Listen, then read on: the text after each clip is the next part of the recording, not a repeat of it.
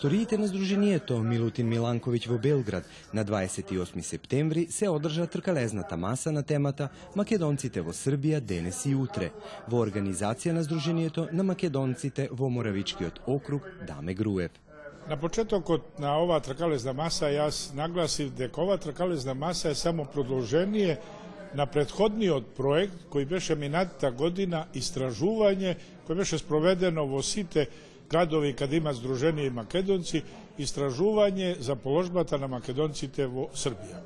Ова тракалезна маса е како продолжение на тој проект да представиме тие резултати и да кажеме нешто повеќе каде се македонците денес и она најосновното да предложиме македонците во Србија утре.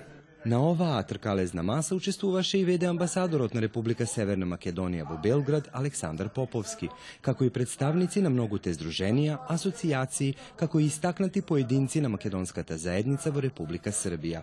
Темите за дискутирање беа поделени на пет области – образование, култура, информирање, службена употреба на јазикот и писмото и политичкото организирање, гласање за изборите во Србија и Македонија.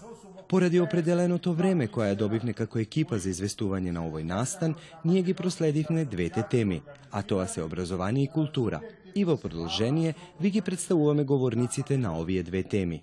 Прв бев и во Националниот совет во Србија, кој го спроведов македонскиот јазик со курсеви, без да се спроведи со овај часови во Вршац и во Пландиште, во Вршац на, два, на две места, во една приватна училиште, е води нашата овај, со, сонародница, го, господјата, која има англиски јазик, али и македонски јазик. Се изучуваше македонскиот јазик за деца од 7 до 77 години учеа и постари луѓе. Кога državata, odnosno Republika Srbija ni dozvoli da se ovaj vovede makedonski od jezik su elementina nacionalna kultura vo Srbija, se fati boro to i go zaigra. Tri godini se borefno je Boleskovac. Tri godini. Благодареки на Националниот совет, благодареки на господјата Вера Јовановска Типко, која беше амбасадор, која стално е молев Vika dosadna, dosadna li uspeo Da dođe Voleskovac od gradonačelnika do školska uprava, do ministarstvo, do jedno, do drugo, treto, ali nije uspeo. Учебната 2015-2016 godina započnavme sa 39 učenici u основното učilište Коста Саменковиќ беше, знаете дека во Војводина може да има паралелка за јазик било кој со пет дечиња, а ние во тој дел на Србија мора да имаме 15. Така да, стварно беше напорно, али денеска, во ова учебна година, 2018-2019, македонскиот јазик го изучуваат 168 дечиња. 168 во две училишта. Тоа е голем успех за мене, тоа е еден историски чекор за мене, кој сака нека си го преведува како сака и што сака, али јас знам дека ние направивме голем исчекор. Наставата по македонски јазик со елементи на национална култура се изведува во 8 основни училишта во Србија, и тоа Гоце, Делчев, Јабука, Жарко Зренјани Качарево, Коста Стаменковиќ Лесковац, Бора Станковиќ Богоевце, Моше Пијаде Гудурица, Јован Јовановиќ Змај Хајдучица, Досите Обрадовиќ Пландиште и училиштето Велјко Влаховиќ во Нови Сад. Училиштето во Јабука пред 8 години, меѓу првите во образовниот систем, воведе настава по македонски јазик со елементи на национална култура.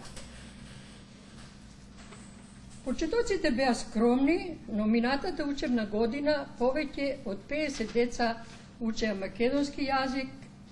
Со овој изборен предмет во Србија минатата учебна година беа опфатени повеќе од 200 деца или точно 225 ученика.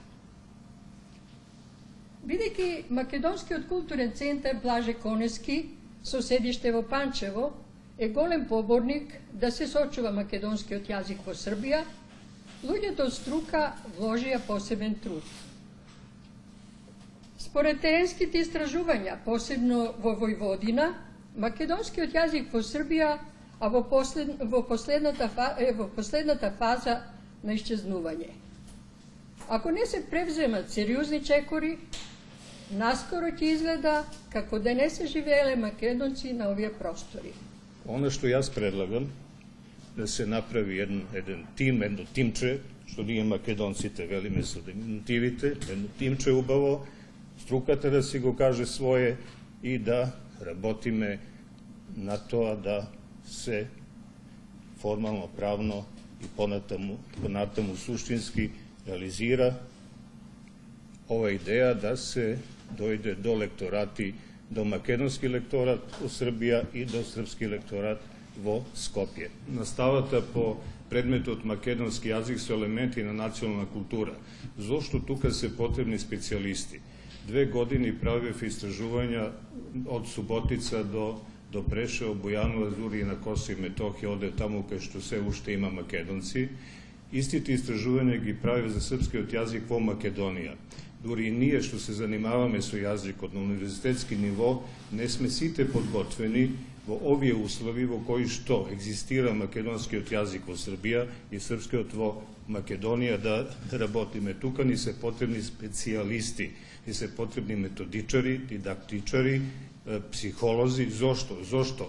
Македонскиот јазик во Србија и српскиот јазик во Македонија не се и тоа покажува и вашите истражувања и моите истражувања што ги праве со помош на колешката Лилјана Лазареска и колешката Верка Митковска, нарочно и професор Сабиновски во Јужен Банат, не е мајчин јазик. Секако можеме да бидеме задоволни во негувањето на националниот и културен идентитет со многу активности и манифестации.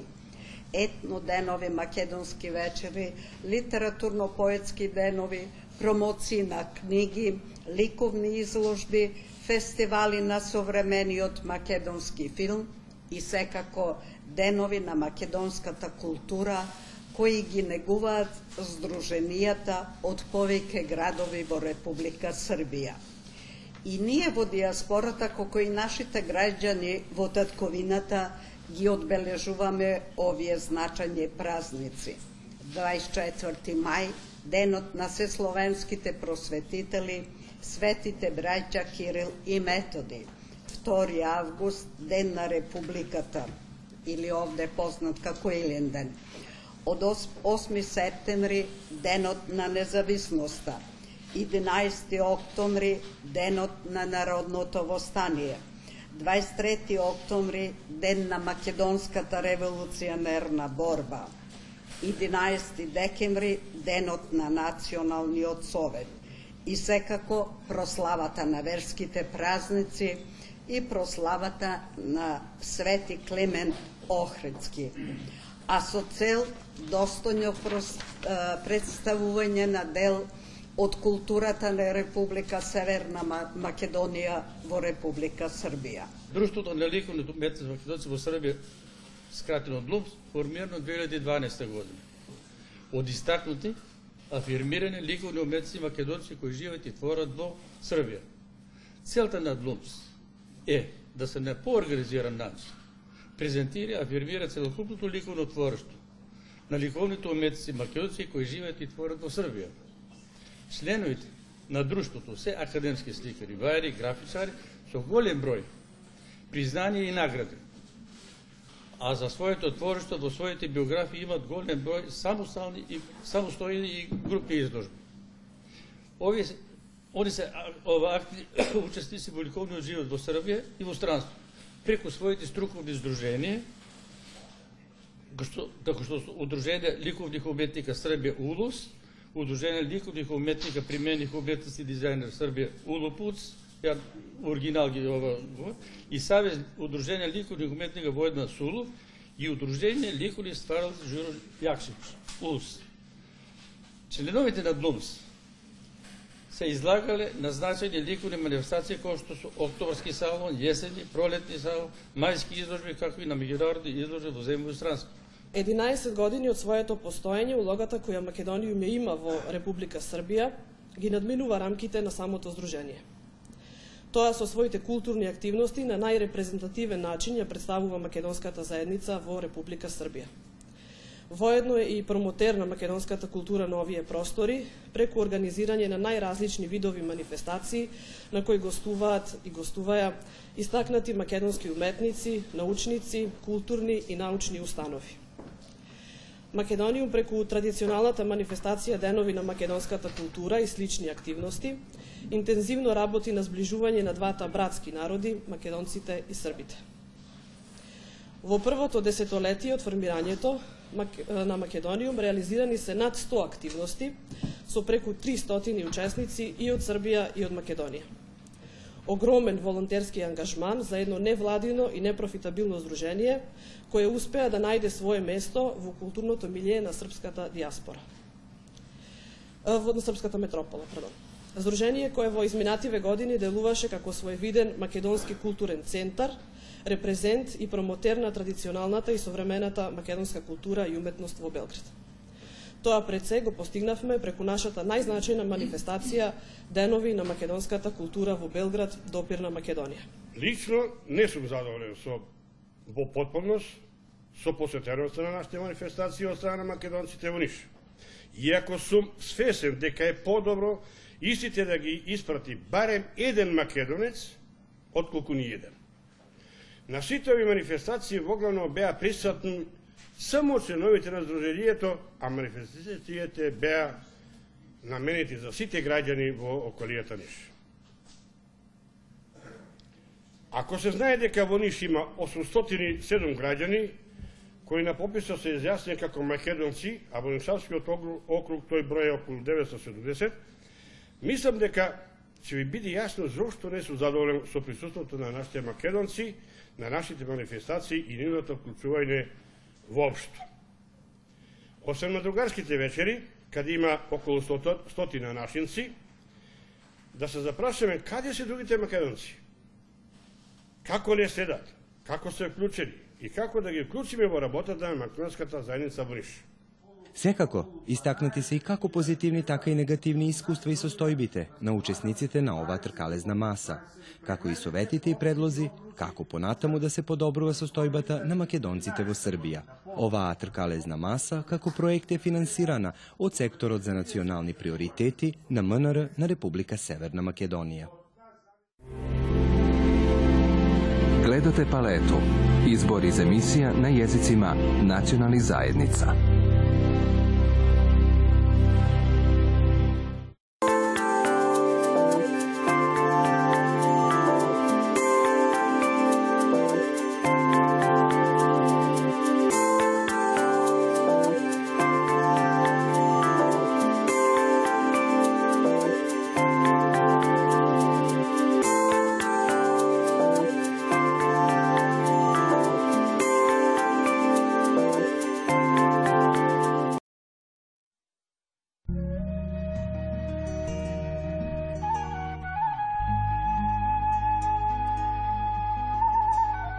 Во прекрасниот простор на Музеот на град Нови Сад на Петроврадинската тврдина на почетокот на септември отворена е изложбата на Музеот на град Скопје со поставката Скопска тврдина символот на градот. Нашиот музеј е музеј на град Скопје, сместен во центарот на градот, во старата железничка станица и о, самиот објект му дава едно посебно чувство на о, убавина на музејот. Музејот е комплексен, има неколку оделенија, тоа се археологија, историја на уметност, етнологија, историја а, и архитектура. Ние сме 50 вработени, а, од кои стручни лица на 20 и сите си работиме во различни аспекти од својата област. А, главната работа на музејот е а, а, на археолозите е истражувачката работа и таа оваа изложба што ја донесовме тука за Скопската тврдина како символ на градот а, нашите археолози истражувале а, и истражуваат постојано, особено на а, археолошкиот локалитет Скопи. Имаме бројна а, збирка археолошка со која можеме да се пофалиме и експонати кои се навистина ретки. Таква е и едната која денеска ќе биде представена преку видеобим. Тоа се тие глегиосани садови од Скопското кале, кои потекнуваат од 12 или 13 век. Тоа е едно од највредните збирки на Балканот. Сите оделенија се истражуваат во својата област. Во музеот имаме а, сега во моментот поставено постојана археолошка поставка, поставка, но имаме и а, изложба за земјотресот. Таа ги привлекува многу луѓето, бидејќи земјотресот Скопје асоцира на земјотресот во 63 година, може да ја посетат. Оваа година музејот наш слави 70 години постоење. Ние сме ефтен а, гордина тоа и сега спремаме монографија за музејот по повод 70 години. Спремаме една голема изложба на која ќе биде представен развојот и работата на музејот. Изложбата содржи и представува материјалните наоди од византискиот и османскиот период, вредните сведоштва за скопско минато. Изложбата за прв пат беше поставена пред две години, кога прославувавме јубилеј од 50 години, кога биле изведени првите заштитни археолошки ископувања на Скопското кале, а кои настанале по повод на катастрофалниот земјотрес од 1963 година со кој што разруши голем дел од калето. Со овие искупувања за прв пат беа презентира, беше понудена една јасна стратиграфска слика на локалитетот кој што покажа многу културни хоризонти кои се протегнуваат уште од преисториско време преку средниот век и до турско време. Статуците од средновековниот период и од турскиот период се најдоминантни на ова на ова кали и токму нив ги представуваме со оваа изложба. Ова изложба исто така представува и омаш за првата генерација на македонски археологи, археолози и историчани уметност, кои што работеле во многу скромни услови на, за работа и кои со својот ентузијазам трајно ја задолжија археолошката наука во Македонија од значи од византиско-словенскиот период ги представуваме предмет најрепрезентативни се предметите на трпезни глеѓосани садови кои што ги користела градската властела и со кои се покажувало статусот и добриот вкус. Тие се претежно длабоки, плитки чини и Покрај нив исто така се представени и обичната куминска и складишна керамика кои ни покажуваат многу за културата на исхраната и за за културата за исхрана во средновековниот период. Покрај нив се представени предмети од метал и од стакло и од коска, а исто така значени се и неколку депоа остави на византиски монети кои што се пронајдени на калето и кои што се скриени во некои од немирните и бурни времења напади на тврдињата. Изложбата е отворена до 4 октомври. Гледате палету. Избор из емисија на језицима национални заедница.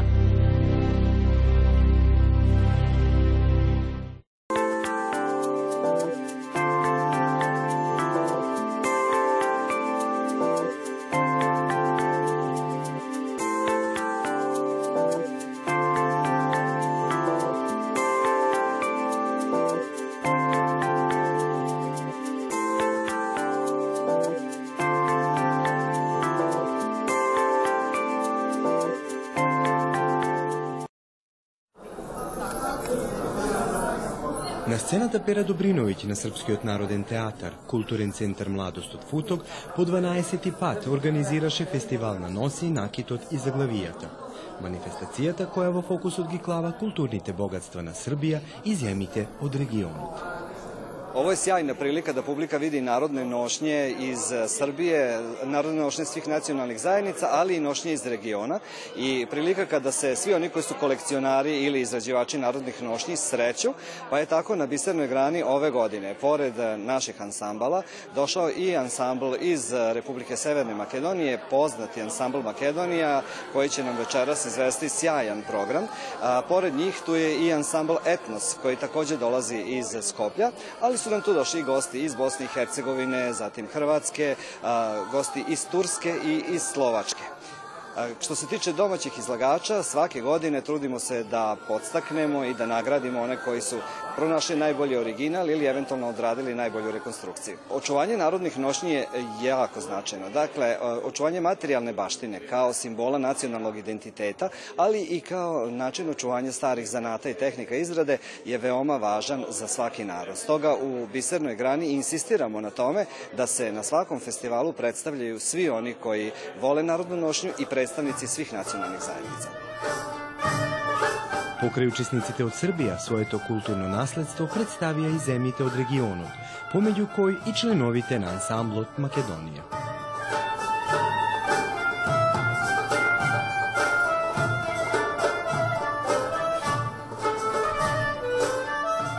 Имаме два момента, односно два момента кои ќе бидат првиот е Чалгискиот блок.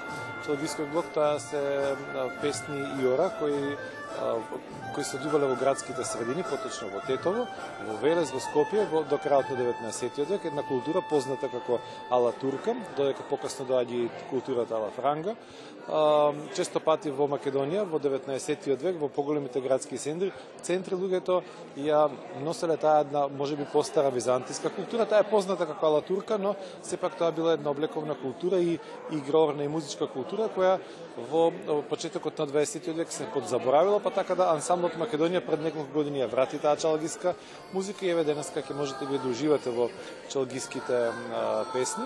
Покасно и да не кажеме концертот ќе го завршиме ние, а тоа ќе биде со ора и песни од Скопска Црна Гора. Ќе можат публиката ќе може да види едни носи од крајот на 19 век, доста оригинални стари носи, односно ќе го види во еден полн сјај ансамблот Македонија. Секоја култура е многу значајна и секоја култура е многу битна и важна, но исто така колку што се културите важни да се негуваат и да бидат во, во, некаква, во некакви институционални поставки поставени, многу е важно и ова дружење и комуникација.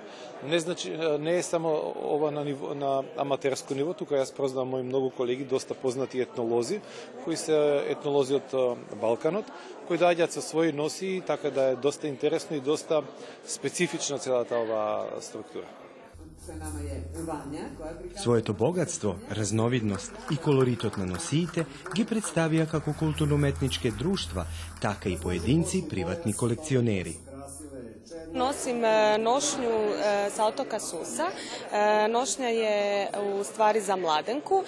Na glavi imam mladenački vijenac i nošnja je u stvari novorađena i radila ju je posudionica nošanja.